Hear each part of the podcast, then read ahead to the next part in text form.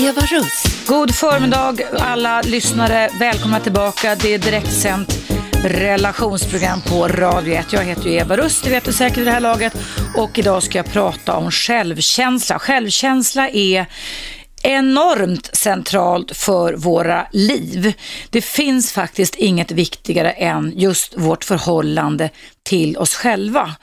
Tyvärr är det så att många, många, många människor går omkring med en gnagande känsla av att inte duga eller av en upplevelse eller en syn på sig själva att de är en bluff som snart kommer att avslöjas. Eh, och när man djupt inne i sig själv inte tycker om sig själv så blir man ganska resistent, alltså oemottaglig mot till exempel kärlek och andra saker som har med närmande att göra, alltså relationer att göra. Vi kan komplicera våra liv ganska rejält och leva i livet när vi är vuxna som om det var sanning att den här dåliga självkänslan fanns med oss därmed. Eh, jag kommer också att, jag har lagt upp ett boktips på vår Facebook-sida eller webbsida på Radio 1. Det finns en utmärkt bok kring självkänsla som numera finns att köpa i pocket. Den är skriven av en kollega till mig. Hon heter Marta Kullberg Weston. Marta Kullberg Weston. Och hon har skrivit en bok som heter Självkänsla på djupet. En terapi för att reparera negativa självbilder. Och det kommer jag berätta eh, för er som lyssnar och er som ringer in och hur man kan göra. Nu är Marta en, eh, har en annan inriktning som psykoterapeut än vad jag har som är kognitiv beteendeterapeut. Men det ena är inte sämre än det andra. Vi jobbar bara på lite olika sätt. Men när jag läst hennes bok så tycker jag att hon och jag faktiskt, när man pratar om det som är lite poppis just nu, schemafokuserad terapi. Det var det vi såg alltså i Paul Perrys program i SVT Parterapi som har gått under hösten i sex avsnitt. Så tycker jag då att det arbetssättet som han har, den terapeuten, liknar det som Marta Kullberg Weston beskriver i sin bok Självkänsla på, på djupet. Så den kan alltså vara väl värd att investera i. Nu var det många som började ringa här på en gång. Vi ska se vem jag har på tråden. Hallå där!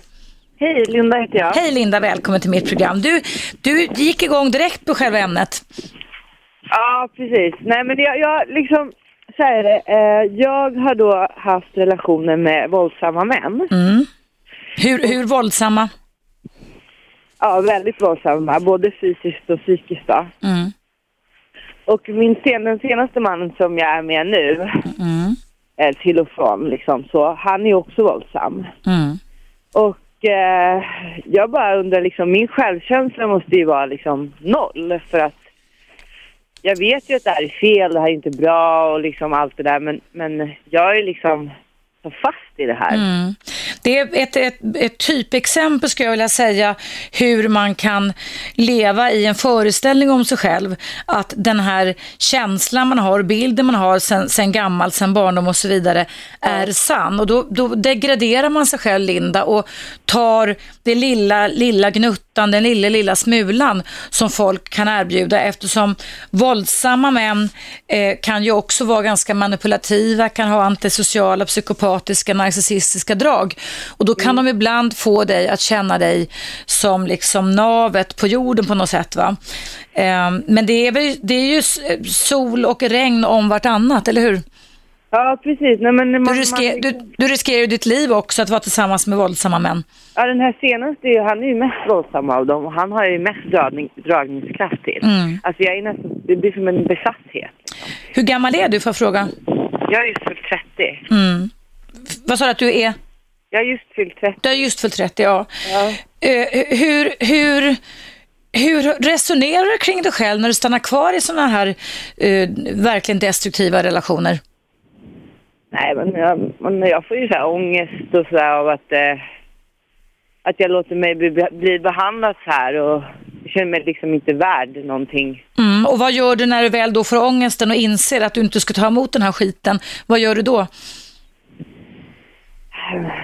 Nej, jag vet inte. Jag... Trycker du undan nej. den? Dricker du vin? Eh, eller tröstar du mig själv att det inte finns någon bättre man än just den här så kallade drömprinsen som är våldsam mot dig, eller?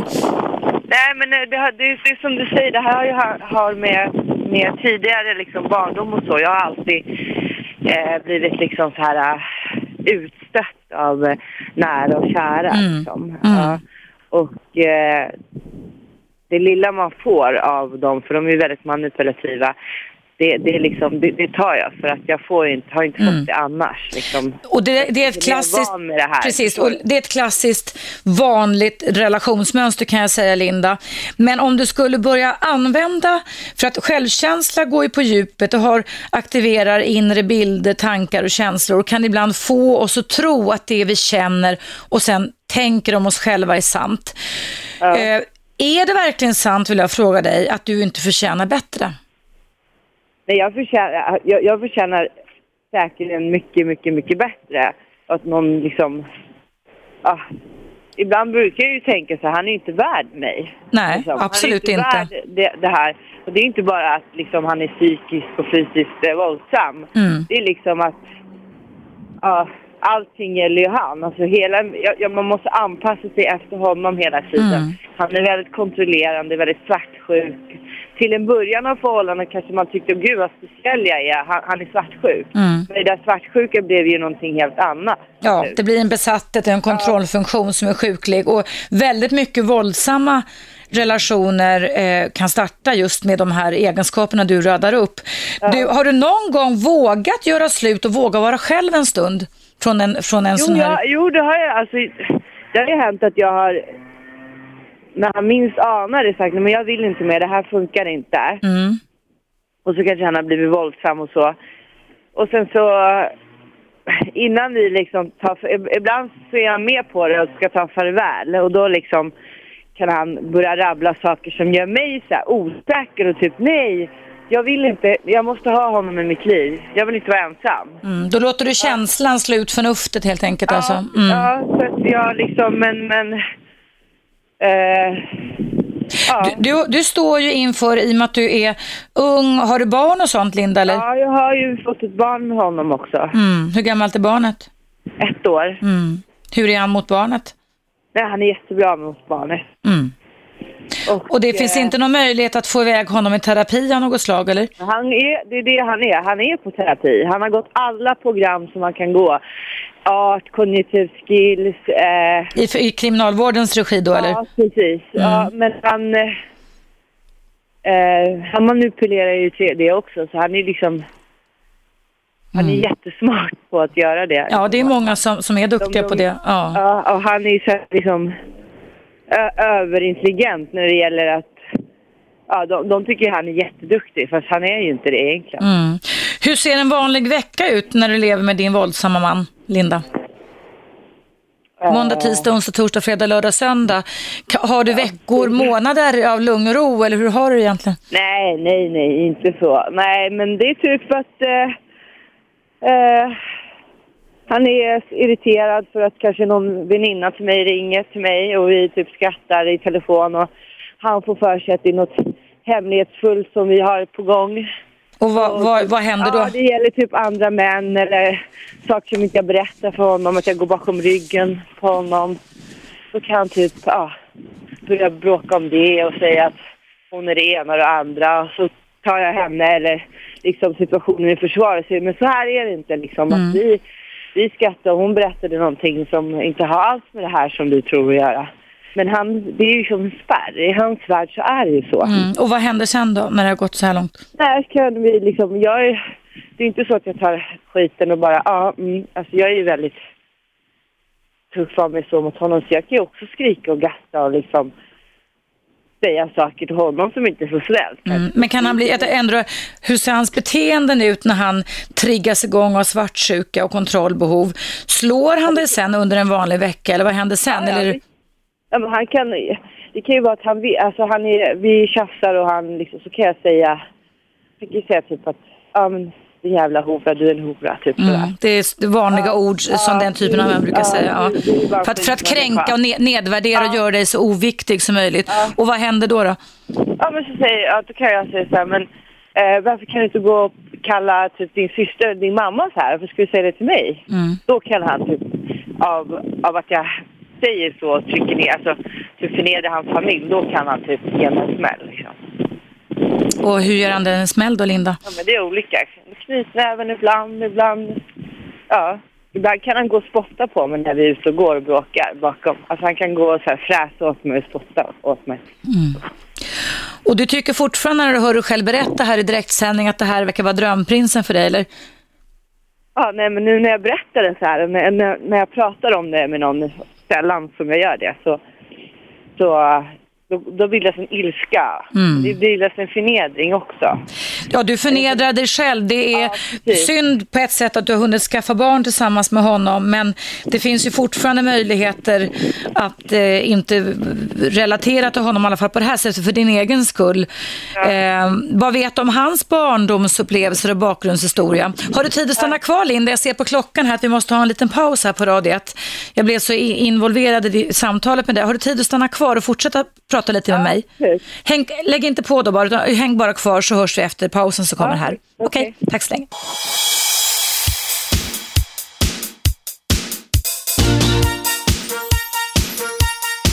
Radio 1. Eva Russ. Välkomna tillbaka. Idag pratar jag om självkänsla. Det handlar om hur vi ser på oss själva och vilka beteenden, vilka relationer vi ingår i när vi inte tycker oss själva vara vatten värda. Jag ska fortsätta samtalet här med Linda. Hallå Linda, är du kvar? Ja. Tack snälla. Jo, du, jag kan ju berätta för nytillkomna lyssnare då att du har ringt upp mig här innan pausen och berättat att du lever i en relation med en man du har barn med som är våldsam fysiskt och psykiskt kränkande och våldsam gentemot dig och att du själv inser att det har med din självkänsla att göra. Um, vad tror du skulle hända om du skulle eh, själv gå terapi? Har du gjort det någon gång för att få hjälp med att komma till rätta med bilden av dig själv? Ja, men alltså jag har pratat med typ, eh, oh, typ någon så här psykoterapeut någon gång så, men och kvinnojourer och så har jag mm, pratat med. Det förstår jag eftersom du är utsatt ja. för fysiskt våld också. Ja. Men eh, alltså det är på något sätt att, jag vet inte, de når inte fram till mig och jag de säger samma sak som jag säger till mig själv, förstår du? Och vad är det då? Vad är det då? Ja men typ att det här är inte bra, han kommer alltid hålla på så här och liksom du kan inte ändra honom och liksom han, ja, allt vad, vad det innebär då. Du, det, det, det sprakar och brakar ganska mycket. Ja, står, det, du, står ja, du utomhus i stormen eller? Ja, nej men det blåste precis. Ja, men ja. jag hoppas att det blir bättre. Nej men, så att jag liksom, ja, ja. Nu hörs det jättekonstigt. Kan du stå still lite på något sätt eller vänta? Det bara sprakar här Linda. Jaha, nej men det blåser. Det, jag, jag står still. Du står still, det blåser? Ja. nej men eh, jag, ja, nej jag, jag kan inte, jag vet inte. Jag, mm. jag, har svårt att, jag har svårt att liksom känna förtroende för andra människor också. Förstår mm. du? Mm. Jag känner liksom att ah, det, det gör ingen nytta om jag ska gå och prata med någon som kommer säga samma sak som jag. Fast det där är ju då en generaliserad föreställning du har. Ibland kan det vara så, Linda, att i vården eller de man vänder sig till ja. kan ha varierande kunskaper. Och ibland så måste man liksom klicka med någon terapeut eller psykolog ja. också för att man ska få komma åt den här inre känslan och inre motivationen. Men, men jag tycker ju då att, alltså att, att det är jätte, jätteviktigt att du söker hjälp. Bor du i Stockholm eller? Ja, precis. Ja. Vilket område om jag får fråga? Inne i stan eller utan, behöver inte säga exakt, men alltså inne i stan eller utanför stan eller? Nej, jag bor inne i city. Ja, okej. Okay. För att det har jag sagt några gånger här i mitt direktsända relationsprogram att det finns eh, ganska, ganska många vårdavtal till psykoterapeuter, till team inne ja. i stan. Eh, om man går till sin husdoktor och berättar om vikten av att man måste ha hjälp. Jo, jo jag har ju funderat på det och liksom så här, men, men som jag sa, de jag har träffat Mm. Men, du, du, men du har inte träffat alla? Du vet, du, Nej, men man känner ju också liksom, du kan ju tänka dig själv att, att hålla på och älta på samma sak för att hitta och mm. hitta rätt hjälp. Mm. Nej, vad du behöver hjälp med det är att försöka, liksom. för, att försöka hela din sårade självbild och självkänsla. Ja. Så, alltså arbeta med de här bitarna så att det liksom, eftersom det går att förändra självkänslan på djupet också, det gör faktiskt det. Ja. Och då, kom, då tar man inte samma skit längre och man dras inte till destruktiva partners heller, utan då sätter man ner foten och säger stopp, punkt, nu får det räcka, nu får det vara bra det här. Eh, din man kommer inte ändra sig för att du vill att han ska ändra sig. Han kan Nej. möjligtvis ändra sig för att han själv en vacker dag kommer till insikt. Men det du beskriver för mig gör att jag nästan får lite hjärtklappning här inne när jag lyssnar på dig. Jag blir lite rädd när jag hör dig berätta om vad han gör mot dig. Och att, att det är ett litet barn inblandat med.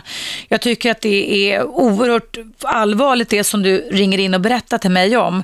Samtidigt så tycker jag det är bra att du gör det Linda, det tycker jag verkligen. Det, det innebär att du har lite förtroende för mig. Jag tycker det är bra. Tack. Ja, nej, det, ja, det, det var roligt att höra. Ja. Ja, vad bra. Nej, men för jag tänker att, att vad som är viktigt är ju Alltså man kan ju leva med personer, Linda, som alla, alltså ingen person finns som är perfekt. Alla människor har vi små skador kan man säga från barndomen med oss, va? Ehm, som på ett eller annat sätt kan märkas när vi går in i en relation, att vi liksom är överkänsliga, att vi är extra sårbara och så vidare. Så att så är det med det. Va? Men, men det här att man liksom upprepar ett mönster där man ständigt dras till personer som kränker. Alltså det här att du säger att han spottar på det. Alltså jag får rysningar. I, i, förstår du? När jag sitter här inne i studion och hör det. Det är ju så... Men människor eh, runt om Mm. när det händer, de reagerar inte heller. Nej, och Alltså, varför gör de inte det jag- tror du? Varför, varför gör de inte det? Jag, jag vet inte, alltså det har hänt i tunnelbanor och allting. Och jag har ju försökt liksom visa dem typ så här, kan ni hjälpa mig? Ja. Men de bara liksom, de tittar på mig och typ att det är som jag är dum i huvudet.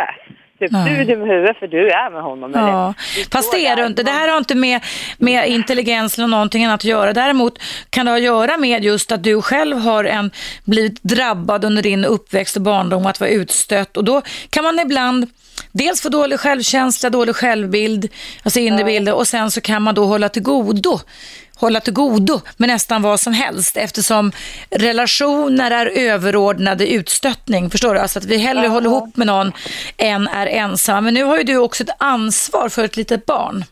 Ja, det är det, det, är det som...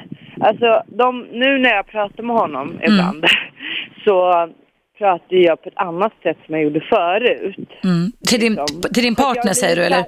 Ja, för att jag har ju blivit starkare eftersom vi har distans när han är på sin behandling. Mm. Så han går på behandling nu alltså? Ja, ja, ja. Ja, okej. ja. Mm.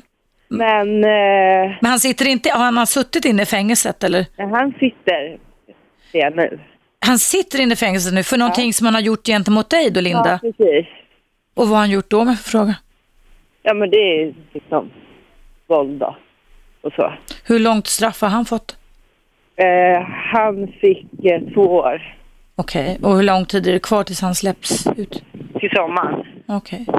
Men då har ju du verkligen en bra chans här att faktiskt jobba, att jobba med dig själv, och, och tycker jag. Så därför så tycker jag att du skulle... Jag, jag förstår inte varför jag, alltså jag drar mig extremt mycket till honom. Alltså extremt mycket. Mm. Och det är, det är någon känslomässig... Ja, alltså. och det, man kan nästan bli besatt, det kan bli som en Ja, drog. det- det Precis. liksom. Ja. Det så, så kan det funka Linda, att vi alltså kan bli besatta. Men det, det som är grejen är att du slår ut alla förnuftiga argument va?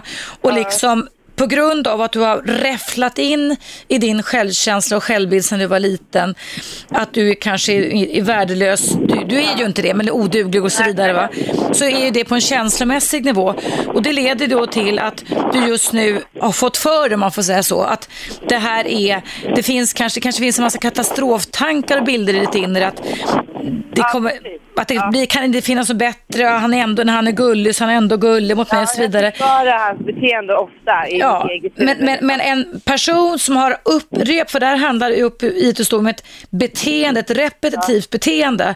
Det är ingen impulshandling som gör att han sitter i fängelse, utan det är ett repetitivt beteende. Det är ett, ett personlighetsdrag kan man säga som den här personen har, som oftast gör det mycket, mycket svårare att förändra. Men det går, alltså man kan, och det är bra att han går i kriminalvårdens program. Det tycker jag är Men de jättebra. funkar ju inte. Alltså han går ju på program, han har ju gått Ja, fast det, det tar väl tid. år nu. Ja, ja det, jag, jag tror han, att... han, han, han, har inte ändrat. Han har ju hållit på med det här sedan han var 20 år. Han Ja. är 30 själv. Han är 30 Han har gått på ja. alla program. Ja. Och ingenting funkar. Nej, och då kanske man kan fråga hur ser hans inre motivation ut för det här? Då han kanske inte har någon motivation. Nej men ibland tänker jag det kanske är mitt fel att hans motivation Nej, nej, nej Linda, nej, nej, Att jag nej. går tillbaka till honom Eh, accepterar Ja, ja, alltså du, bo, du borde dra ett streck och passa på nu då när han då får vård men också in i fängelse.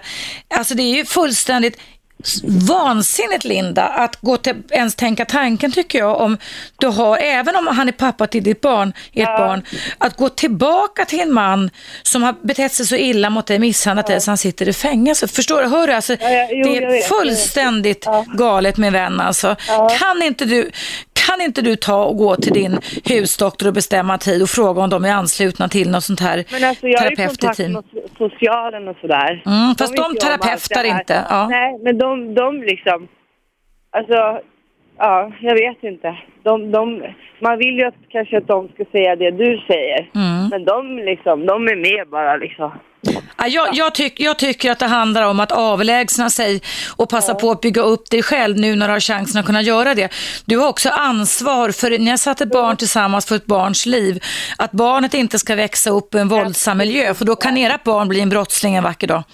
Nej men det är det jag, jag, alltså, jag drar ju mig inte för att säga det och jag har sagt det till socialen också att nu har vi vårt barn och eh, det betyder mest för mig i hela världen. Mm. Och skulle han på något sätt, någon liksom på något sätt göra, alltså, göra så att det blir skada för henne eller på något sätt Mm. liksom sådär, då skulle jag kunna bli farlig, förstår du? Men varför ska du invänta faran när du redan har faran överhängandes? Ja, ja, jag vet inte. Nej, men jag, jag, jag, jag tror ju att han inte skulle kunna bete sig så. Nej, det är möjligt, för man kan- det kan- det- Han, ju- han vill inte diskutera när hon är med. Nej, och där inte- kan man ha, där kan våld, våldsamma personer ha lite olika sätt gentemot barnen kontra partnern, va? kärlekspartnern. Men i det här fallet så tycker jag att du bums ska gå iväg och tänka att det här får du ta ansvar för själv. Du är en vuxen kvinna, du är en mamma och det är inte SOS och andra som ska hjälpa dig utan du ska jobba med din självkänsla.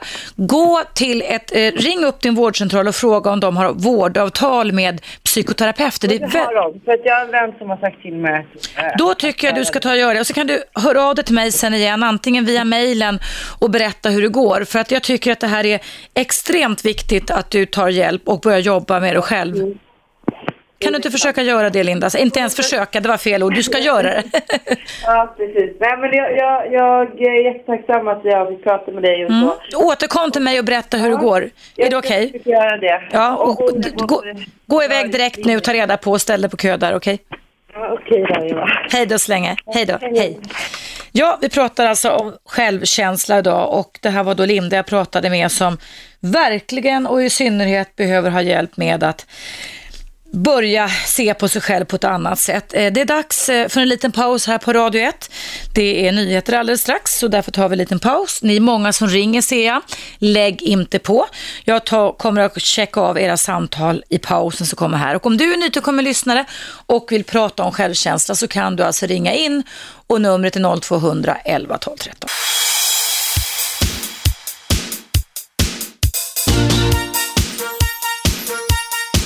Radio 1. Eva Russ. Välkomna tillbaka. Jag ska alldeles strax koppla in Hasse som har väntat här. Jag ska börja läsa upp ett jättekort mejl från Lisa till Linda som jag pratade med första halvtimmen här. Jag pratade om självkänsla idag och Linda lever med en våldsam man och är så fångad i sin föreställning om sig själv att hon inte tror att hon kan bryta sig loss. Och då skriver Lisa så här.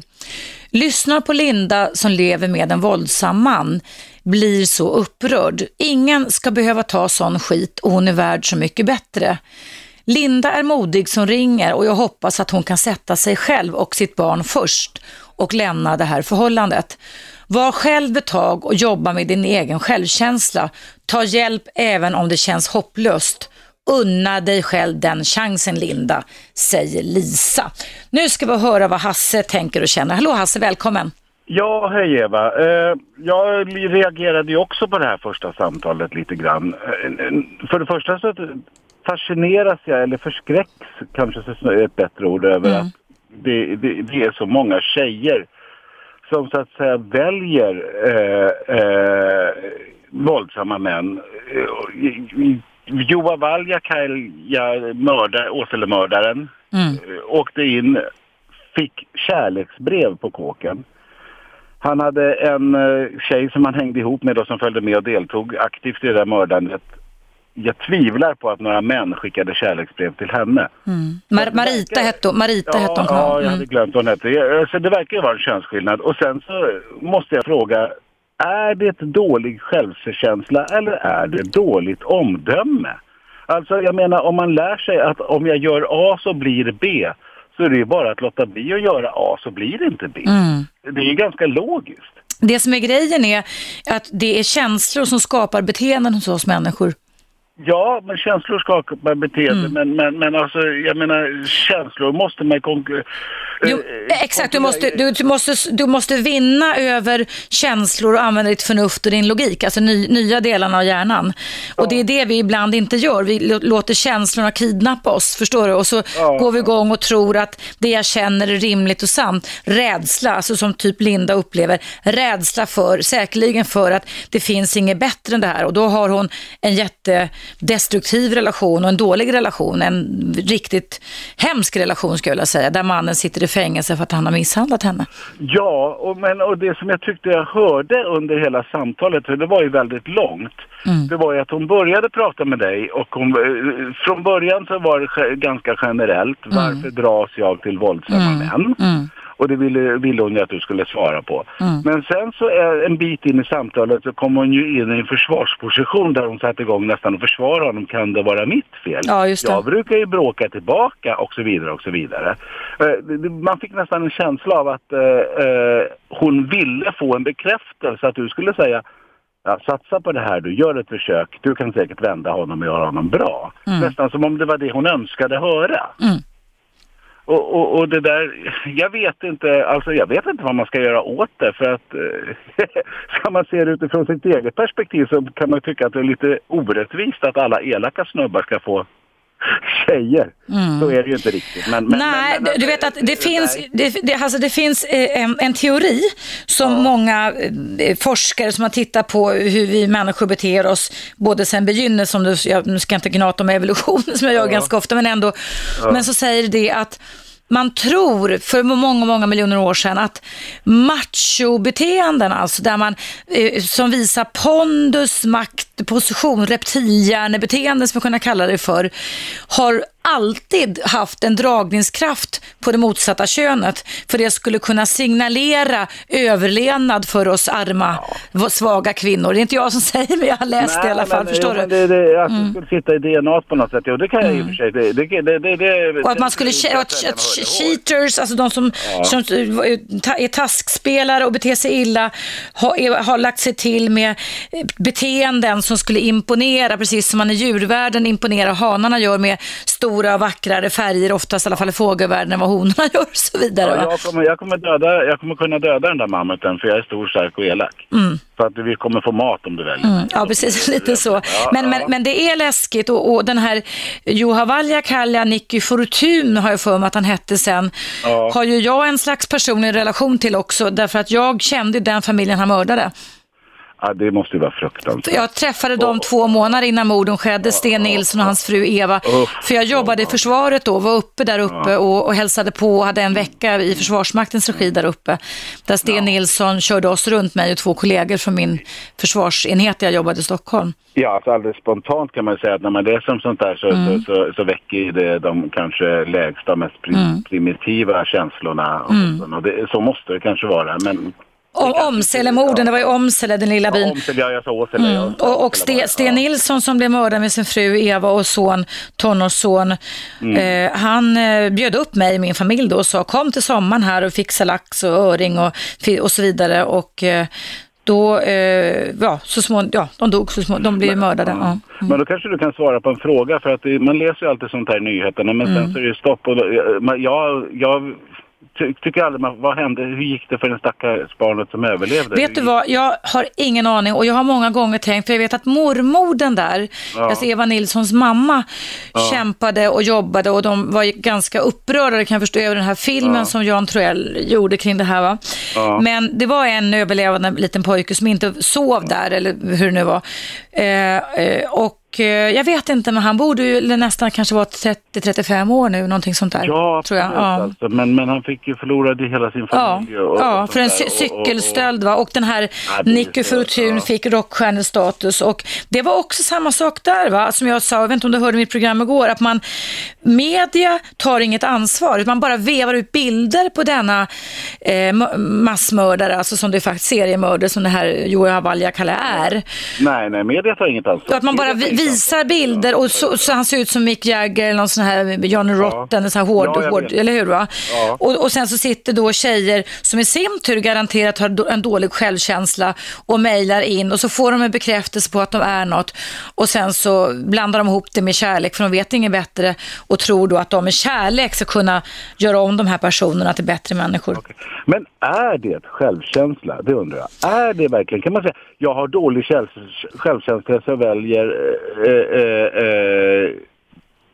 dåliga killar eller jag har dåligt omdöme. Så Det kan det vara också. allt Alltså det, det hänger nog, precis Hasse, det hänger säkert ihop och det är ju svårt att på ett sätt generalisera också.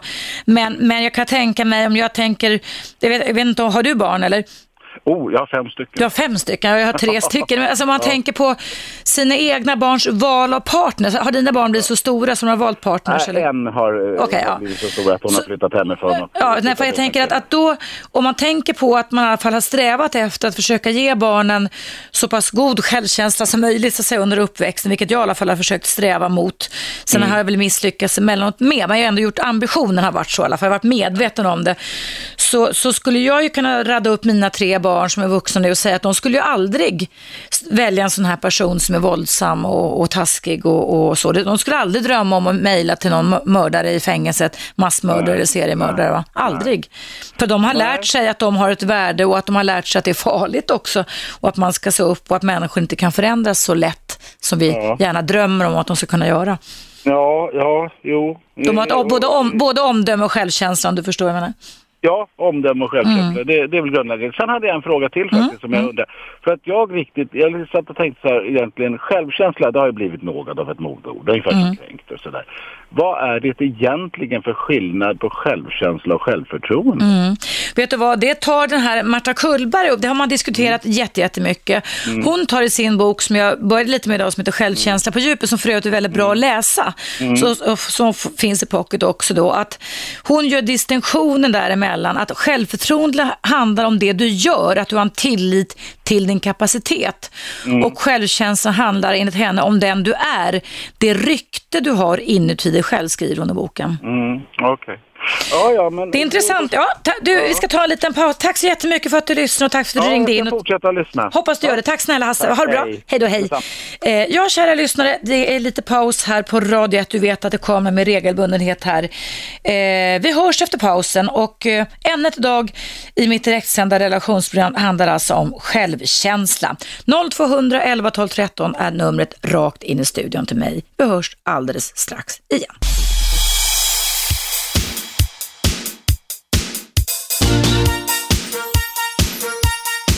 Radio 1. Eva Russ.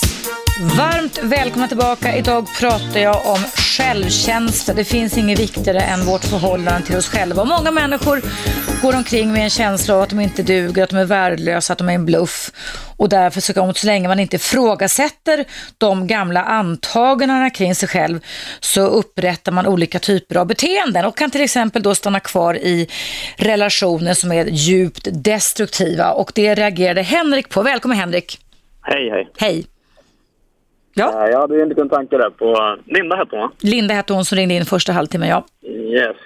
Eh, alltså, jag förstår någonstans att man har eh, ett svagt hjärta för en person som kanske inte alltid är jättesnäll och sådär. Och det, jag kan förstå att man hamnar i en relation där... Eh, vi har haft själv sådana relationer, även om de har varit fysiskt våldsamma, så har de varit psykiskt jävligt våldsamma. Mm. Eh, men när man någonstans får ett barn eh, så känner jag att den med själv, självkänsla och hela den här biten den får man fan lägga åt sidan. För att när det handlar om barn så är de fan viktigare än något annat. Och hur det än är så kommer de lida ut den här relationen. Om det inte är fysiskt så är det psykiskt. Och Det är liksom det krävs ingen raketforskare för att lista ut det. Liksom. Nej, det gör det verkligen inte.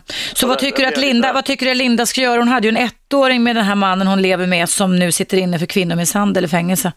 Jag skulle säga till henne att fan man up. Eh, få lite bollar eller vad man ska nu säga och ta det ur den där skiten på en gång.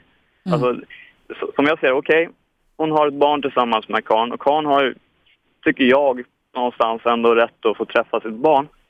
Men det, det har inte till att de ska ha en relation tillsammans på något sätt. Det finns många par runt om i Sverige som eh, får träffa, där barnen får träffa båda föräldrarna utan att de har någon större relation tillsammans. Mm. Och jag, jag tycker någonstans som sagt att så, så länge inte han kan påvisa att han är en annan kar och det tror inte jag att han kommer att kunna överhuvudtaget om han har betett sig på det viset, eh, så har han ingenting där att hämta överhuvudtaget. Liksom. Mm. Mm. Eh, Så jag tycker ju någonstans att hon bör kasta det där med självömkan lite grann under mattan och sen så köra sitt race och Sätta barnet i centrum, barnets behov av trygghet och en lycklig barndom. För får barnet uppleva en våldsam barndom så finns det risker för att barnet kommer må psykiskt, fysiskt och kanske bli en brottsling eller misshandlare själv när den blir stor. Va? Exakt min åsikt. Jag tror någonstans att även om hon tycker att ja, men det, de diskuterar inte framför barnet, det har inte ett skit med saken att göra. Barnet behöver inte vara där. Mm. Men, men hur som helst så har man en känsla för vad som händer inom familjen. Och det är liksom, jag, vet inte, jag, jag, blir bara, jag blir så frustrerad när jag får höra sådana här saker. Det är så synd om henne och hela den här biten. Men fan, vad är det om barnet då? Mm. Herregud, någon får fan ta lite ansvar och kliva ur. Liksom. Mm. Och det är ju fan upp till henne. Ja, Hon bra. har satt barnet i världen liksom. Ja, bra. Då hoppas jag att Linda hör det här också så hon får lite mera kraft i sig. Tack så jättemycket Henrik för dina ord. Tack för att du lyssnade på Radio 1. Tack själv. Ha det bra. Hej, hej, hej. Ja, kära lyssnare. Idag så är det eh, temat självkänsla.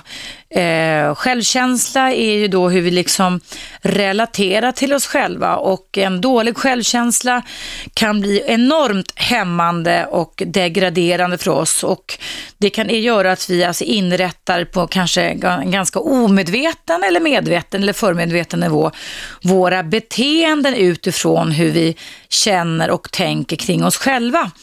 Eh, vi kan eh, stanna kvar, precis som Linda som ringde in här första halvtimmen i destruktiva relationer för att vi har fått lära oss en slags inlärd hjälplöshet. Och eh, det är många som ringer och vill diskutera det här ser jag. Nu är nästan alla linjerna upptagna. Vi börjar med ett samtal här, ska vi se. Hallå, vem är där? Hallå? Ja, hejsan Eva. Hej, hej. Hej, vem pratar jag med? Eh, Det är Rajas. Hej, välkommen. Ra- Raja, heter du? Raji? Ja. Vad, det hörs lite dåligt. Sitter du och kör bil eller vad gör du? Nej, faktiskt. Jag är på jobbet, men jag kan... eh, bara... Ja. Nu då? Nu hörs det bättre. Nu hörs det bättre. Japp. Um, eh, faktiskt, jag har eh, lyssnat på er program. Mm. Det är jättekul jag brukar lyssna på det hela tiden. Varje dag. Det var roligt att höra. Tack. Ja. Och sen eh, angående den här tjejen som ringde. Mm. Linda heter hon va? Ja. Och sen, eh, jag tror att det är rädsla. Hon är rädd för mannen, därför hon är, hon är kvar med honom. Mm. Mm. Och sen, eh, jag har man kan berätta några exempel också. Ja. Jag känner, jag känner en kille också, han, han är som eh, där brottning och eh, mördare. Han mördade sin kusin. Ja. Och sen eh, till och med han, eh, innan han det, han slog sin fru, han har massa frubarn han har. Och sen, Han var eh, våldsam man kan man säga då. Alltså, Ja, han var mm. som man. Och sen han var tvungen, tvungen hans fru att kommer hon i rätten att erkänna att den här mannen som blev mördad av, han har äh, sexuell övergrepp mot sin, hans fru. Mm. Och tvingade att hon ska ljuga. Så att han försökte få sin fru att gå i hans, sina egna fotspår, så att säga, fylla sina egna syften. Är det det du menar? Ja, ja, det Ja. menar så. Och sen, äh, det här är lätt inget till Kina. De sa nej, du får inte göra det. Det, det kommer folk snacka skit om dig. Mm. Du, du kommer ljuga och han får sitta där. Han Mm. blir dömd 15 år. Men han sitter inne. Fortfarande han hotar henne. Hon, han hotar släktingar. Han, är, han kommer aldrig bli bra. Han Mm. kommer aldrig Mm. ändra. Mm. Sådana personer, jag tror inte att kommer eh, ändra. Det bästa Mm. sättet att hon, hon lämnar honom. Det är inte, hon är inte den första och det är inte sin, sista. Inte den sista heller, nej. nej. Ja, lämna. Det, det är bara, livet går inte. Hon är ung, hon är bara 30 år. Man, Ja. man kan inte leva med sådana personer. Nej. Och sen det, man drömmer, man, man, drömmer, man drömmer om det. Det är, jätte, det är ett roligt liv att man lever så där. Mm, mm. Det är bara att lämna honom. Det är bara att lämna honom. Ja. Ja. Tack, eh, tack för att du lyssnade och tack för att du ringde in. Tack Eva. Tack, Hej då så länge. Hej då, hej, hej, bra. hej. Ja, det är många som ringer. Vi ska se om vi tar ett samtal till. Hallå, vem är där? Nej, då får ni ringa igen 0200 11 12 13. Det är direktsänt relationsprogram och som du vet så har ju alltid nya ämnen varje dag. Idag handlar det då om självkänsla. Nu ska vi se om vi har någon på tråden. Hallå, vem är där? Ja, hallå? Hej, välkommen till Eva Russ. Ja, hej, här är Susanne. Kommer du ihåg mig? Ja, det kommer jag ihåg. Ja. Den pigga 70-åringen, var det inte så? Eller? Ja, alltså, usch, men kalla mig inte för 70 Nej, nej, nej. Ja, förlåt, ja, det var dumt. Ja, ja. Fast du, du var extremt pigg och eh, ungdomlig måste jag säga. Ja, precis. Jag lyssnade först en liten kommentar till den här Linda. Mm. Eh, och det, det, hon tog ju upp att hennes man som är våldsam går på terapi. I, det här som, som Ghazi gör och hade ju gjort att man får in en kriminalvårdens regi när man sitter inne så Ja, får man olika men- typer av tanketränings och beteendeträningsprogram. Ja. Mm. Ja, men då tycker jag att det, det, det som är fundersam, hon säger att jag inte fungerat. Nej, Mm. men förmodligen så ingick, eh, så är det så att i straffet så ingår att han måste göra terapi. Mm.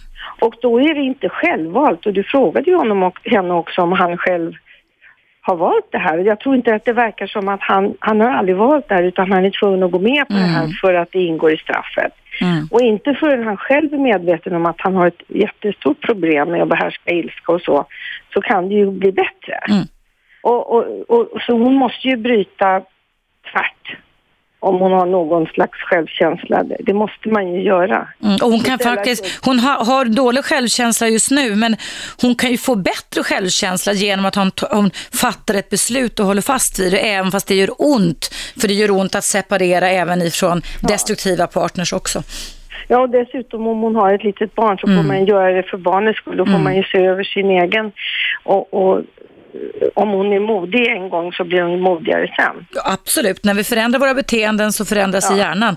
Så det kan bli en booster för henne att fatta beslut även fast det gör ont. Ja. Sen vill jag ta upp det här om självkänsla. Mm. Att eh, vi dras ju alla med att ibland så har man dåligt självförtroende och dålig självkänsla och ibland är det lite bättre. Och det är klart att som, jag jobbar ju kreativt och där kan man ju ibland ha väldigt dålig, trots att man lyckas och har saker som är placerade och spelade och allt möjligt, Mm. så kan man ju ändå ibland känna att precis som du nämnde att ja, ja, visst gick det där bra men snart kommer de på att jag är ju egentligen bara bluff. Mm.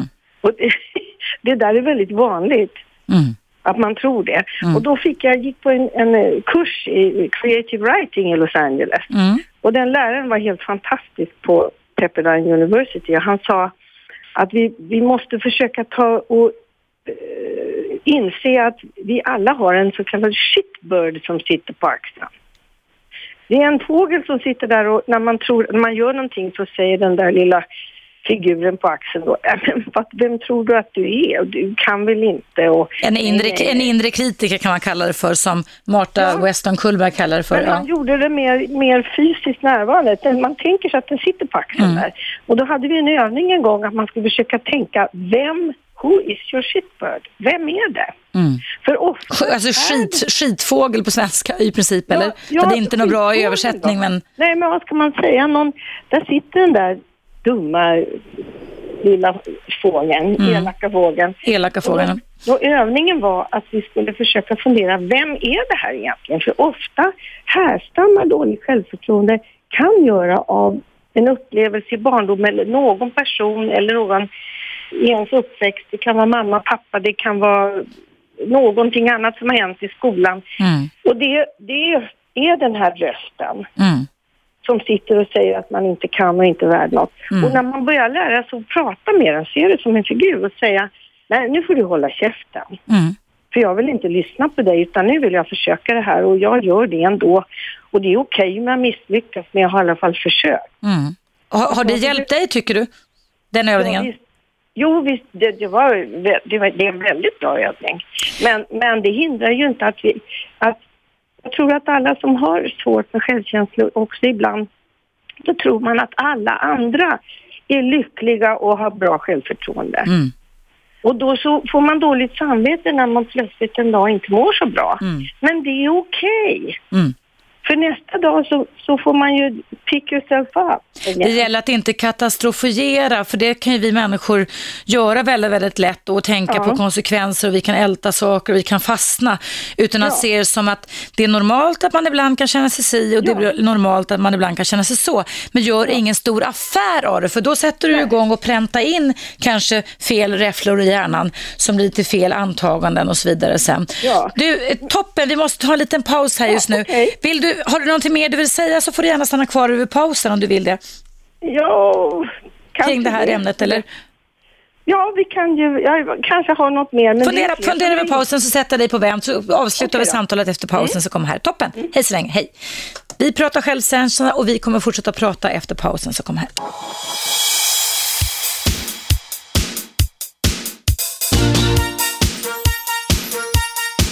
Radio 1. Eva Russ.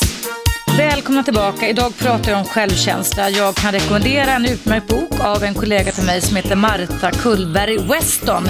Det finns numera pocket.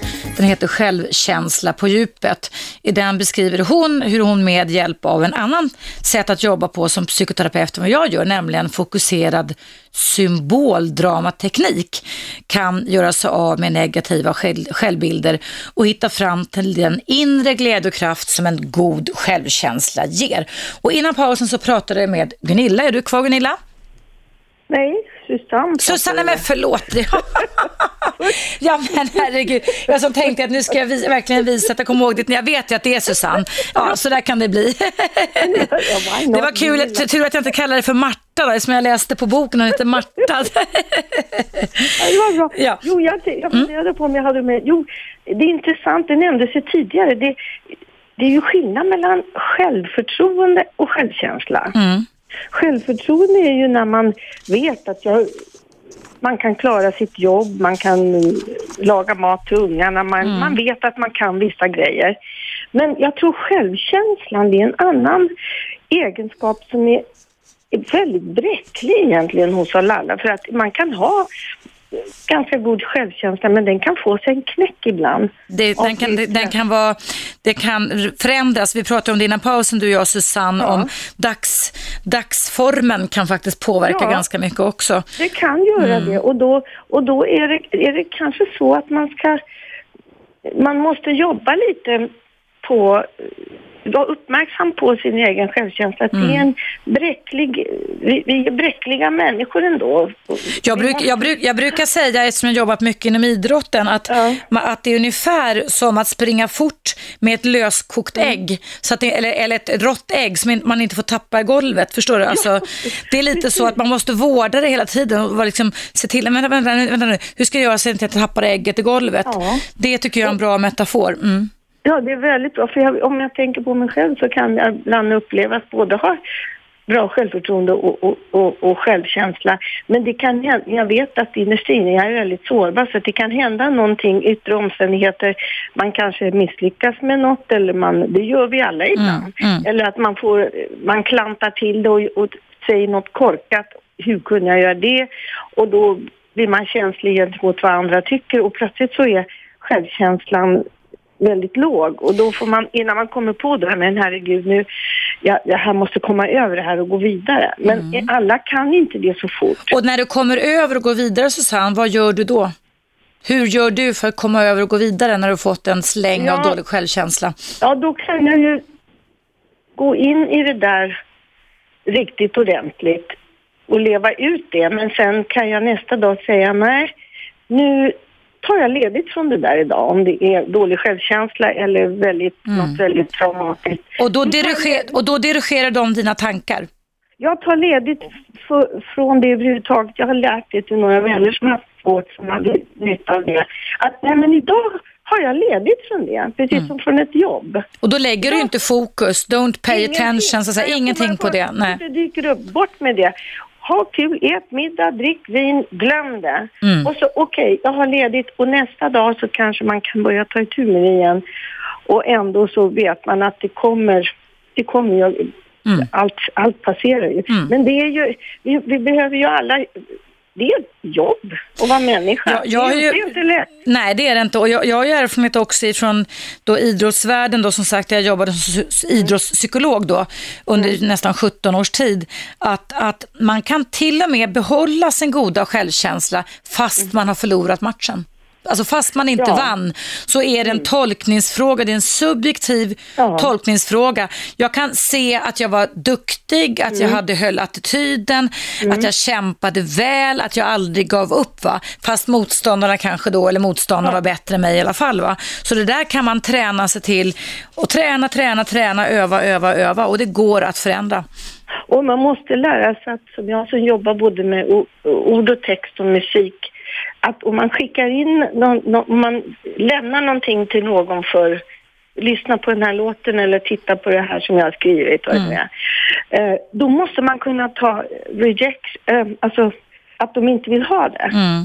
Och då kan man inte bara, åh, det är hemskt alltihopa. Livet behöver inte ta slut för att, för att de inte vill Ja, det eh, gilla det du håller på med just då. Men människor som har en dålig självkänsla och har ju lättare då för att dimpa ner. Va? Men som du säger, vi kan ha färdigheter. Och när jag gjorde min forskning för länge sedan som ledde till att jag blev utnämnd till relationsexpert på Aftonbladet. Jag fick ta över Dr. Phils spalt för tio år sedan. Eh, så är jag där fortfarande. Va? Så, så, så gjorde jag forskning på singeltjejer i Stockholm som upplevde att de satt fast i ett ofrivilligt singelskap. Och då kunde de ha jättegott självförtroende i sina jobb. Duktiga tjejer, tjäna massa pengar, hade massa befogenheter. Alltså, inte för att det behöver lycka, men alltså, de hade gjort karriär om man nu ska säga så. Men i relationslivet så trodde de inte ett skvatt på sig själva. Så man kan ha två olika typer av mönster som, går- som går, och ett som sabbar och ett som stöttar. Det är ganska intressant. Ja, men precis. Det, var Mm. det, som, det är det som är intressant. Men eh, sen tror jag också att vare sig det gäller självförtroende eller själv, självkänsla och allt det här. Om man i livet kan försöka och ha lite humor om allting, även att se på sig själv med humor, Mm. så, så tror jag att det är en gudagåva att hjälpa en över mycket. Och sen att man har någon slags tro, jag struntar i vilken religion det är, man har någon slags andlig tro att just positivt tänkande. Jag har en mycket nära vän som gick bort för något år sedan som heter Anna-Stina Vrethammar. Hon skrev en fantastisk bok som heter Tänk dig ett bättre liv. Mm. Som handlar om positivt tänkande och som... eh, Finns den ute i pocket eller något sånt Ja, också den, nu? den Eller? finns ute nu. Den är helt fantastisk. Tänk dig ett bättre, det är bra med sådana boktips. Tänk dig ett bättre liv av Anna-Stina Vrethammar. Vrethammar. Och, och jag vet inte hur många...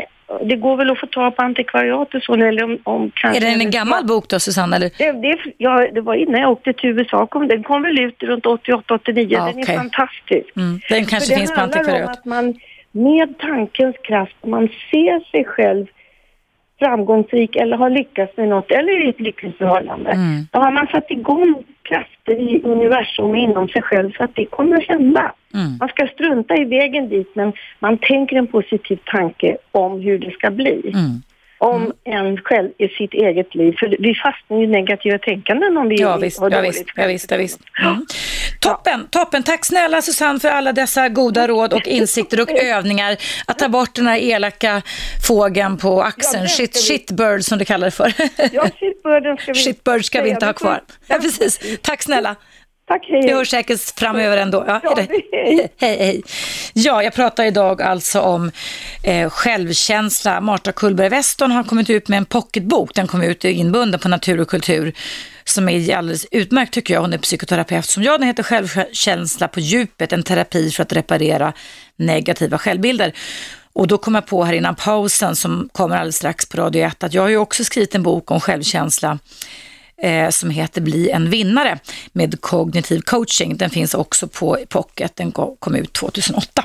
Nu är det dags för paus, men du som lyssnar är varmt välkommen att ringa in i pausen. Numret är som vanligt, jag tror ni vet det här laget, men jag repeterar i alla fall 0200 11 12 13. Vi hörs alldeles strax.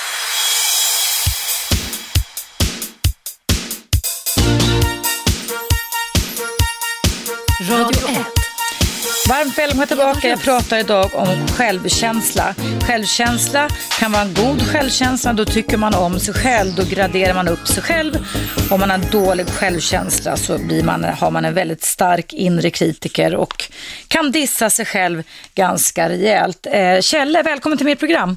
Hej Eva, hej. Du hade lite tankar och frågor kring det här med självkänsla. Ja, jag har lite svårt att precisera det här med självförtroende och självkänsla. Va? Mm. jag tycker att jag ligger på botten på de bägge två. Va? Alltså min självkänsla är på det sättet att jag tycker att Alltså vad jag än företar mig så tycker jag att det, att det bara blir fel liksom. Och, och, jag, och jag känner liksom att det blir, eh, hur ska jag säga, man, man, får inte den, man, man, känner inte, man kan inte ta emot de här smällarna som kommer för man, man tror sig inte själv om att mm. man fixar det man ska göra egentligen. Mm, mm. Eh, jag skulle vilja säga som så, för du frågade mig i pausen om man föds med en dålig självkänsla. Ja. Och det gör man inte. Nej, okej. Okay. Utan självkänsla har absolut att göra med alla de tidiga erfarenheter som vi gör som barn i relationer till andra människor. Eh, och sen finns det också en visst mått sårbarhet, att vissa av oss kan slurpa i oss lite extra mycket negativa saker än andra. Mm. Eh, vi kan leva i en familjekultur, ha det här man kallar för sociala arvet, där man eh, liksom har en klump historia nästan som ligger, och liksom, ligger som en bomull runt i släkten, att man inte ska se på sig själv för mer än alla andra eller att man är sämre än alla andra. Så det kan bli en tankekultur man kan bära med sig också.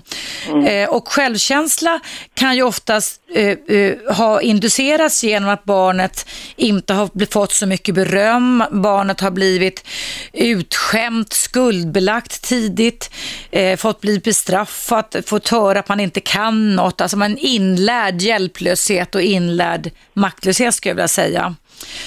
Eh, och det här blir då kan man säga ett schema eller ett antagande man kan bära med sig upp vuxen ålder som man då genom olika typer av terapier eller självhjälpsböcker som är alldeles utmärkta tycker jag, speciellt den jag pratat om idag, Marta Kullberg Weston om självkänsla, så kan man komma till rätta med det, att börja på en förnuftsmässig nivå, Kjell, ifrågasätta om det jag känner och tänker kring mig själv verkligen stämmer. Mm.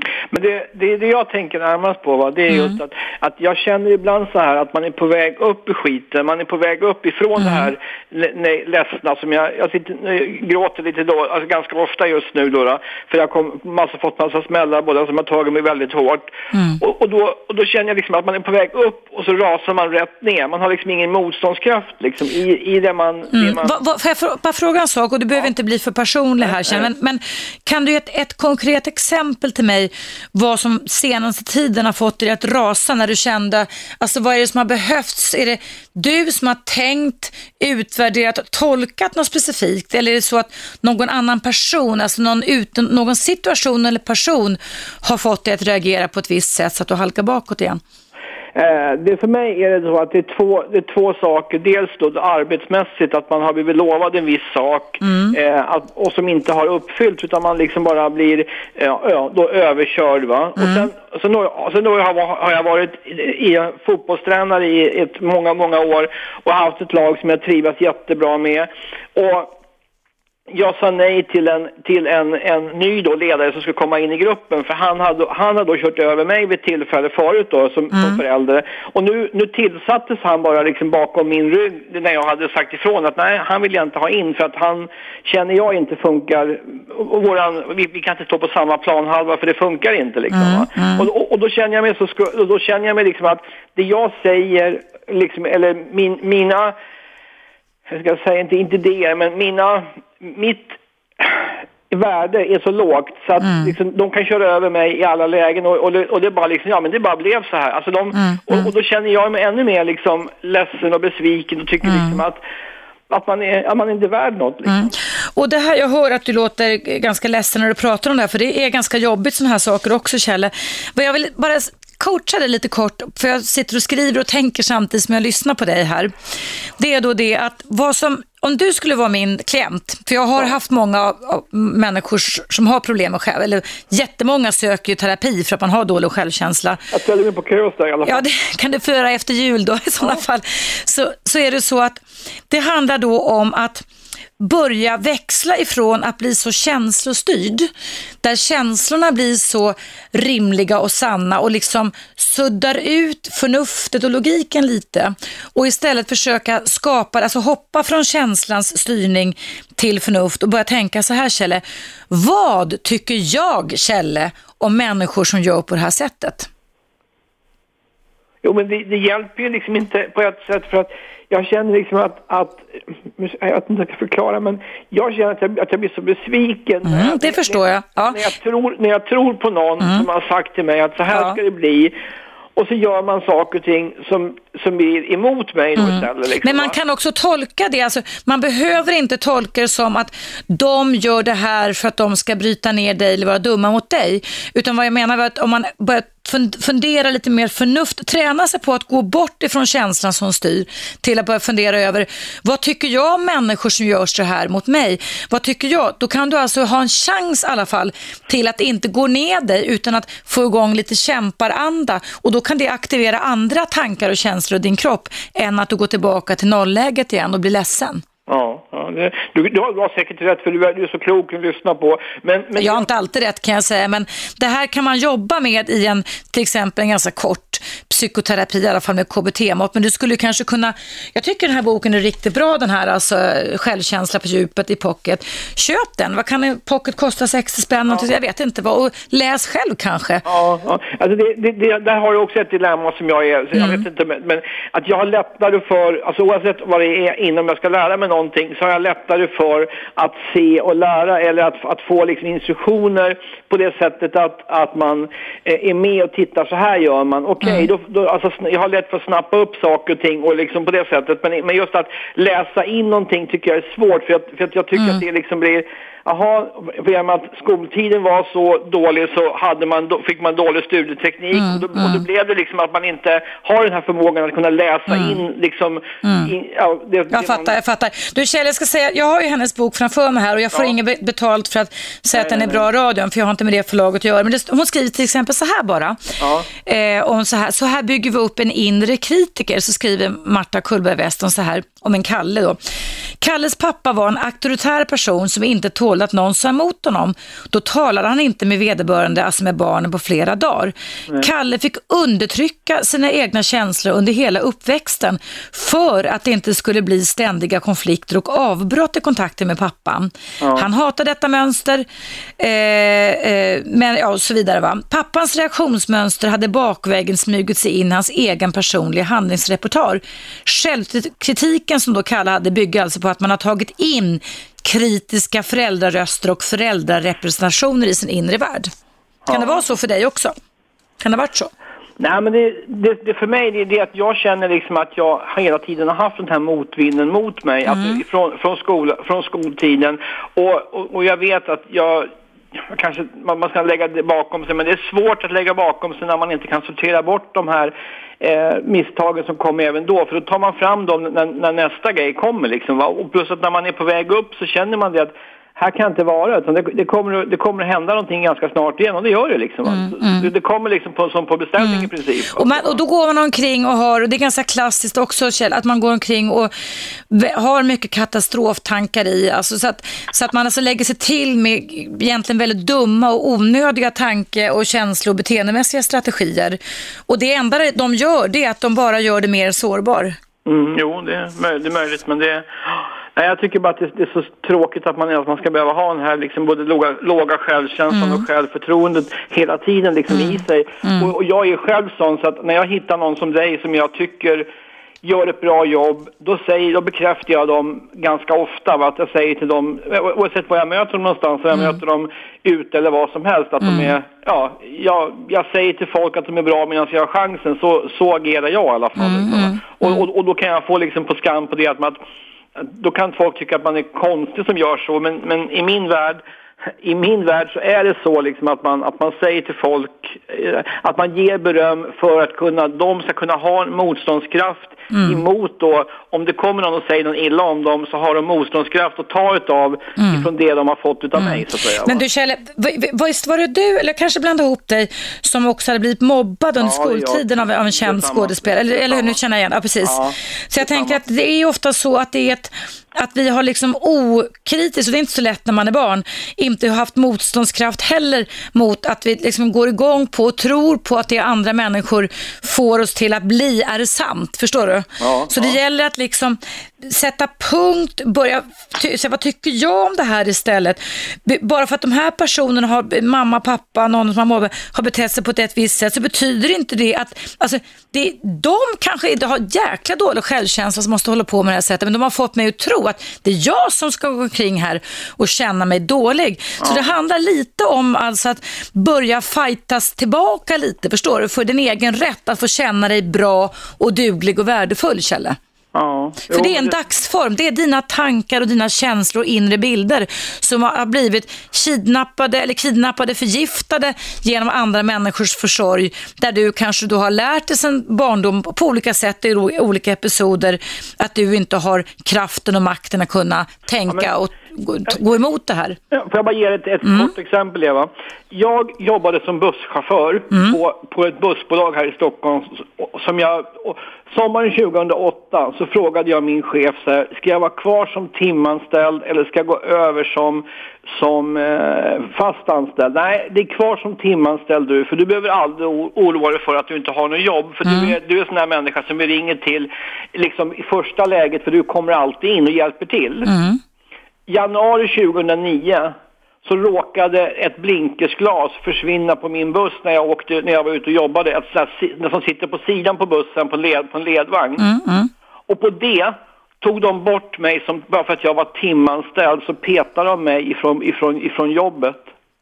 Så förfärligt, så förfärligt. Ja. Och, och, och det kände jag mig så, och det, det har jag liksom inte kommit över för att jag Men, men där kan ju du tycka så här, så, nu måste vi snart, snart avrunda, jag kan bara säga det. Där skulle jag säga till dig så här Kjelle, vad tycker du om deras beteenden?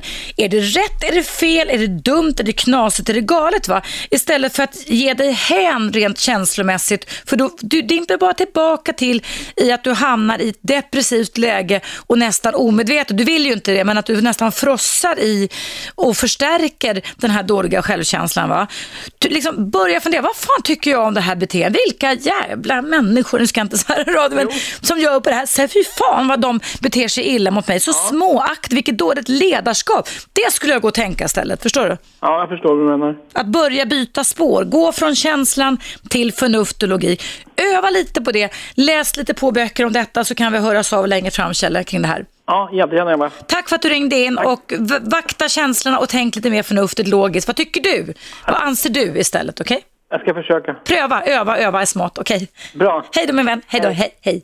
Ja, kära lyssnare, jag pratar just nu med Kjelle. Eh, dagens program och ämne i direktsändning då handlar alltså om självkänslans betydelse.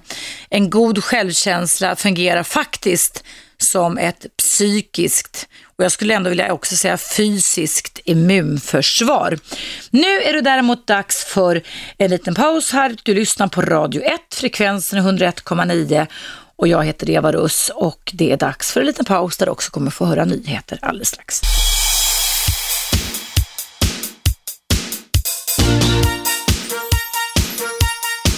Radio 1. Eva Russ. Välkomna tillbaka. Idag pratar jag om självkänsla. Det är många som ringer och det är många som mejlar. Jag ska läsa upp ett ganska långt mejl från en kvinna som vill vara anonym som är i 50-årsåldern. Hon skriver så här. Eh, hon, till den kvinna, det var Linda som ringde in första halvtimmen här idag, så skriver den här kvinnan så här. Till den kvinna som hade en våldsam man kan jag förstå att det inte är lätt att avvisa eller ändra ett beteende man får. Ta en liten bit i taget. Myrsteg är bättre än inga steg alls. Förståelse och igenkännande är en viktig bit på livets väg mot bättre självkänsla. Självhjälpsgrupper finns och det har varit mycket bra även för mig, skriver då mejlskriversen. Man lyssnar på varandra utan att avbryta, delar tystnadsplikt såklart alla, eh, alla träffar. Stärkt av gemenskap och förståelse är viktigt för att växa sig starkare. Alla non-grupper är ett förslag. Det kan man googla på om man vill veta mer. Mycket bra, kravlöst, vilket är viktigt för mig i alla fall som har stora krav på mig själv.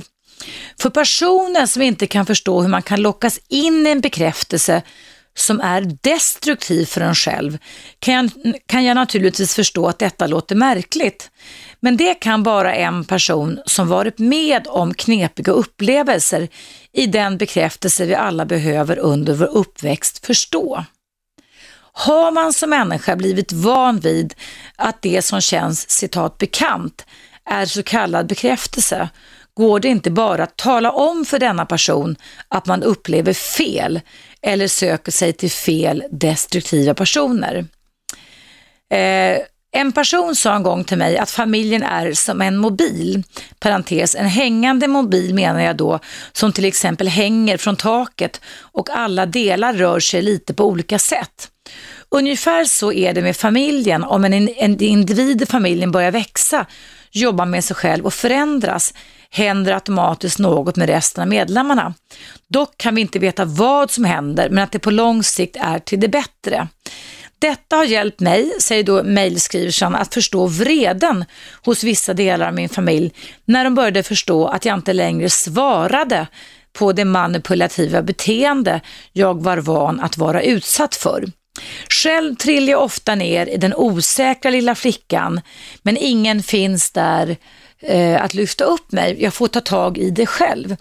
Många i min närhet har länge sagt, varför träffar du inte en ny man, du som är så vacker och färgstark och så vidare. Eh, jag har nästan behövt 19 års helande mot att överhuvudtaget våga närma mig en man igen. Är inte där än. Dock skulle ingen kunna gissa sig till detta genom att bara betrakta mig som denna starka, ansvarstagande person jag är i jobbet och som mamma. Allt, fortsätter brevskriverskan, pågår ju under ytan och i vårt inre. Jag säger avslutningsvis som John Lennon, livet är det som pågår medan vi är sysselsatta med annat. Vill kanske då avslutningsvis bidra med att vi är okej okay som vi är och olika. Svårt med gemenskap och härskartekniker bland chefer.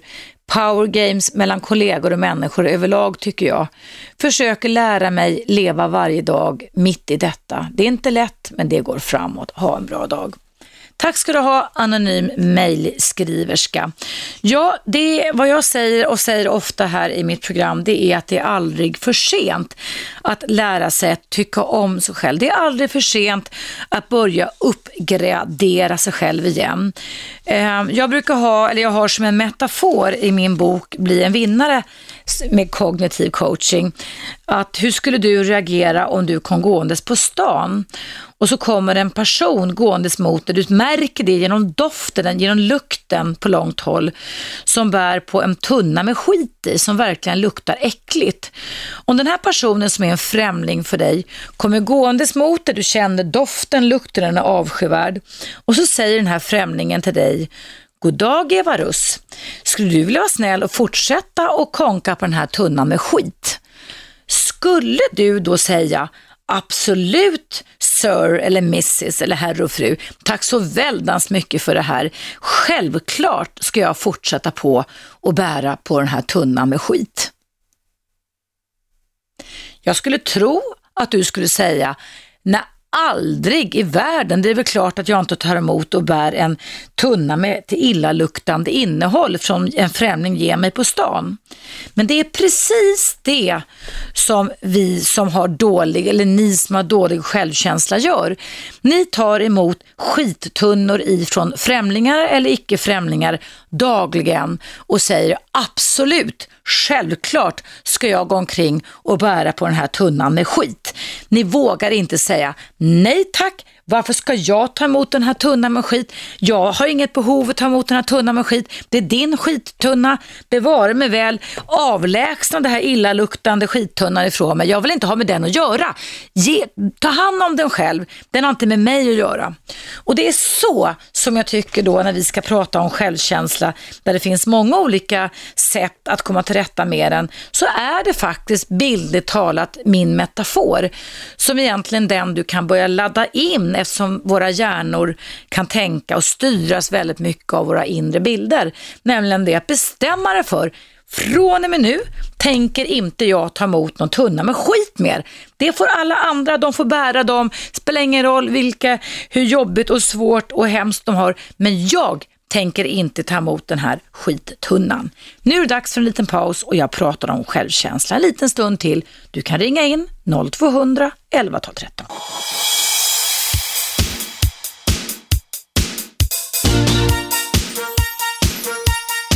Radio 1. Eva Russ. Välkomna tillbaka. Idag pratar jag om självkänsla och det verkar sannoliken vara ett ämne som många människor reagerar på. Och självkänsla är ju också så ytterst centralt i våra liv och avgör eh, hur vi kommer att etablera oss, se på oss själva, relatera till andra människor. En god självkänsla ger oss otaliga möjligheter och en ökad flexibilitet. En dålig självkänsla blir väldigt begränsande och hämmande för våran del. Nu ska jag prata med Johanna. Välkommen till mitt program. Eh, Ja, hej. Hej. Eh, Jag ringer eh, som många andra också för att det här med Linda, samtalet du fick om hon som var misshandlad. Första halvtimmen idag Ja, i mitt program, ja. Just det, och den berättelse hon berättade som var väldigt hemsk. Mm. Det, det är så att jag har inte jobbat på en kvinnojour själv, men jag har många omkring mig som gör det. Så jag känner ändå till hur, hur det är där. Mm. Och eh, eh, jag vill knyta an till det en man sa att eh, anledningen väldigt mycket till att hon inte lämnar det är att säkert att hon är väldigt rädd för den här mannen. Och eh, det vet ju också alla att det allra farligaste skedet för en kvinna som är utsatt för misshandel det är ju när hon lämnar. För att det är då mannen förlorar kontrollen över henne och han blir desperat och följer efter och många gånger dödad. Och kvinnor som lever i den, sådana här relationer, de, de är ju verkligen utsatta för dödshot. Det är ju ett hot som mannen många gånger uttalar hela tiden. Om du lämnar, då dödar jag dig. Och där har du ju, sant det Johanna, att hot är väldigt verkningssamma för oss Ja. människor. Och det, det är verkligen, alltså, det är verkligen allvarliga saker de är utsatta för hela tiden. Han, han säger ju detta hela tiden. Så hon vet att det är möjligt praktiskt, att han verkligen gör det. Och många gånger har han också försökt göra det, han kanske, hon kanske har undsluppit. Men hon vet att han är kapabel att mörda henne. Och det är ju den djupa rädsla de lever med och det är ju också därför de inte vågar lämna. För, för det, det hörde jag ju på andra som ringde in också att de uttrycker en frustration över det här varför lämnar hon inte och tänk på barnet och det här. Det är de vanligaste argumenten som kommer från människor som inte är insatta i problematiken. Eh, just framförallt att man tar till det här att man skuldbelägger henne när det gäller barnet. Och det ska man ju veta att det, det finns ju ingen kvinna som inte tänker på sina barn i första hand och älskar dem och vill dem väl. Utan de har dåligt samvete nog när det gäller sina barn. Och det är ju också så att ska man hjälpa ett barn som är utsatt, då ska man verkligen hjälpa dess mamma. För när hon är stark och fri nog att lämna, då får barnet också automatiskt en bättre tillvaro. Eh, Så att det är väldigt, jag tycker det är viktigt att man kanske inte faller i de fällorna. Vad tycker du då att Linda, om hon nu lyssnar på oss, vilket var stor, det vad, vad, vad ska hon göra då utifrån det du Ja. säger Johanna? Ja. Jo, jag tänker just eh, att jag tycker att hon ska ta tillfället att hennes man sitter i fängelse. Att, att lämna, för då, då, då är hon- hon inte i en sån situation att han kan följa efter och mörda henne. Rent, alltså om han inte är ute nu så har hon en situation där hon är lite fri att ordna upp sitt liv. Mm. Eh, För hon sa att hon hade varit på kvinnojourer och kanske upplevde att hon kom dit och sa samma sak hela tiden. Ja. Men jag tycker ändå att där kan man ju få hjälp rent praktiskt. Mm. Lite hur man går till, tillväga när det gäller juridiken. Och De gör, ett fantast, de gör ett fantastiskt jobb och många Ja. kvinnojourer går, går på knäna har jag Ja, hört i Sverige. Mm. Och jag bara menar, om det varit någon gång så att säga och det inte har varit bra så pröva ändå igen. Inte ge upp helt enkelt. Nej, därför att där kan man få hjälp och jag tycker Mm. hon får ju också en, en sorts ro i sig själv när han är fysiskt borta från Ja. henne nu. Mm. Och det är väldigt bra att ta ett sådant tillfälle, kontakta en jour och, och se om du ändå inte kan få hjälp Mm. att komma ifrån honom. Eh, och, och ordna allt det som finns att ordna praktiskt. Mm. Och så att säga för att, ja, för att eh, jag menade när jag sa det här att de kan riskera att bli dödade när de lämnar. Det är också för att han finns hela tiden omkring dem. Men hon har ett tillfälle här nu när han sitter i fängelse. Och då tycker jag hon ska ta det tillfället att lämna. För att det måste hon ju ändå förr eller senare. Ja. Hoppas att Linda lyssnar på dig. Det var bra att du ringde in Johanna och det var bra eh, reflektioner och råd som du gav också. Ja. Tack så jättemycket Ja. för ditt Ja. engagemang. Tack ska Ja, du ha. tack så mycket. Hej då, hej, Hej. Tack än en gång Johanna. Ja, hörni, det är fortfarande sex minuter kvar här om ni vill ringa in till mig angående självkänsla.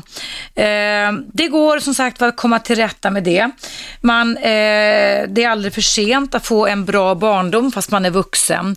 Man kan göra en inre resa och man kan öka självförståelsen och man kan också genom att läsa böcker eller gå i terapi komma underfund med sig själv hur ens egna mönster ser ut när man börjar degradera sig själv.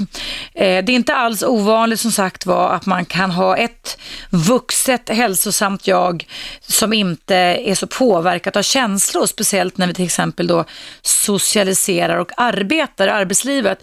Men att när känslor ska upplevas som det då ofta i alla fall gör i parrelationer så kan eh, man triggas igång direkt och då kan man, jag har ju mött människor genom åren som liksom skapar sina parrelationer, situationer så att de får en chans. Alltså det här sker på en ganska omedveten känslomässig nivå. De träffar kanske sin stora kärlek, de har drömt om sin stora kärlek hela livet och sen när de äntligen gör det och får ta emot kärlek så stämmer inte det med deras dåliga självkänsla.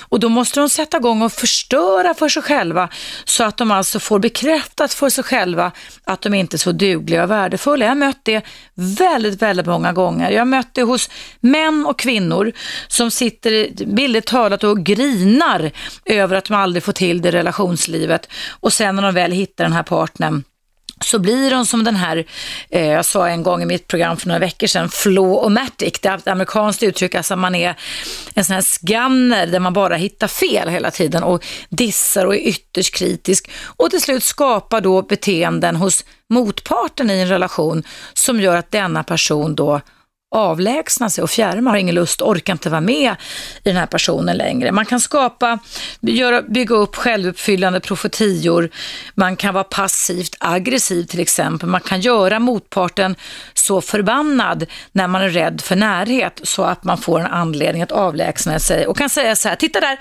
titta där, det visste jag väl, nu visste jag det att du var, hade sånt där dåligt humör. Och jag kan inte leva med en person som har dåligt humör, därför så går jag härifrån. Det finns en massa omedvetna och medvetna känslomässiga och beteendemässiga tricks vi människor kan eh, lägga till oss med och som egentligen bara gör oss mer olyckliga än lyckliga. Nu ska vi se vem den sista inringaren är här. Hallå, vem är där? Ja, hej, jag heter Maj-Britt. Hej Maj-Britt, välkommen till mitt program. Hör du, jag lyssnade på den där kvinnan som heter Linda, tror jag hon hette. Ja, hon ringde in första halvtimmen i mitt Ja, program. just det. Jag brukar lyssna på dig. Jag har ringt en gång tidigare. Jag har haft ett par, jag är mycket äldre nu än vad hon var. Jag var i hennes ålder. 30, som hon var ja. Mm. Ja, jag var 29. Mm. Nej, jag kanske var 30. Det spelar ingen roll. Nej. Så eh, hade jag en kar. Han slog inte mig, han psykade mig. Mm. Och eh, stack när jag var som värst illa däran psykiskt. För jag hade panikångest och vågade inte gå ut. Mm. Och eh, sen hamnade jag på Långbro ett tag. Där fick man ingen större hjälp. Mm. Det var mest jag som hjälpte de andra. Det var så och det kanske jag behövde då. Mm. Sen eh, tänkte jag att jag skulle flytta ifrån lägenheten där jag bodde då. Mm. Och eh, åkte upp först på SÖS, min bror skjutsade upp mig och sa att släpp inte ut henne utan att ringa det här numret för att hon ser snygg och fin ut men hon är inte det, hon är mycket nere. Mm. Och det var på grund av din parrelation då, Maj-Britt, eller? Ja, det var det. Mm. Men då, då, då tänkte jag, jag ska flytta. Så jag, jag tänkte, jag, jag, de släppte ju ut mig för de sa, du behöver ingen hjälp. Mm. Okej. Då, då gick jag förbi, skulle gå, gå på ett ställe på Söder och söka lägenhet. Det var lättare på den tiden än nu. Mm. Och eh, träffa ett gäng ungdomar, något äldre än mig eller kanske jag vet inte. Och så sa, tjena bruden, vad snygg du är, ser inte så ledsen ut. Häng med. Och de gör som de säger.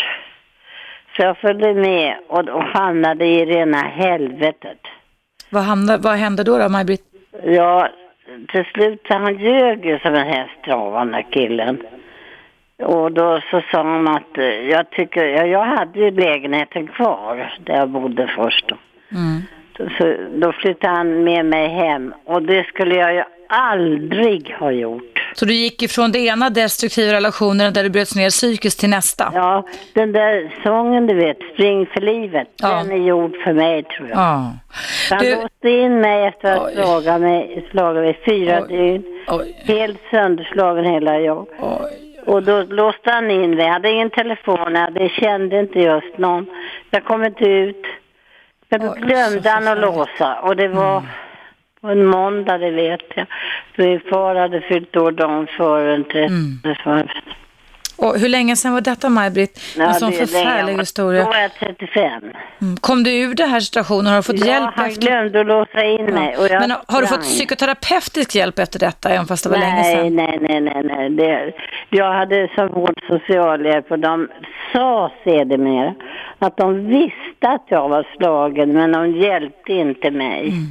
Så kortfattat, för vi måste avsluta programmet Ja, nu. Vad skulle du vilja ge för råd eller sammanfatta den här Ja, hemska alltså, upplevelsen du varit med om? De, de, de ger sig aldrig de här killarna, de har något fel själva. De ger sig aldrig förrän har fått sin vilja igenom.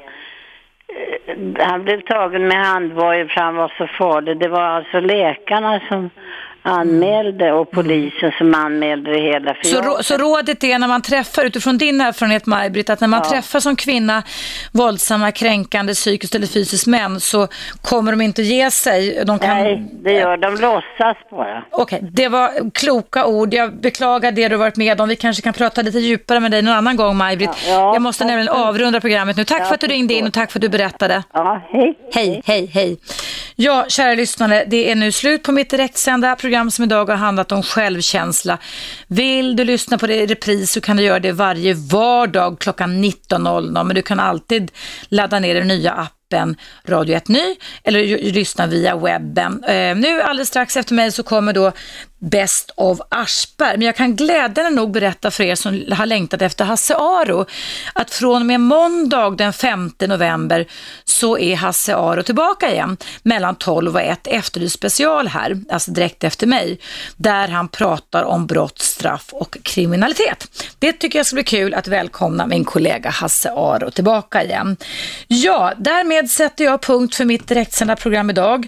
Jag tackar alla er som har lyssnat, alla ni som som har ringt in och mejlat. Tillsammans gör vi det här programmet precis så bra som det bara kan bli. Tack för idag och jag hoppas förstås på återhörande i morgon bitti klockan 10 igen. Hej då! 101,9 Radio 1. Sveriges nya pratradio.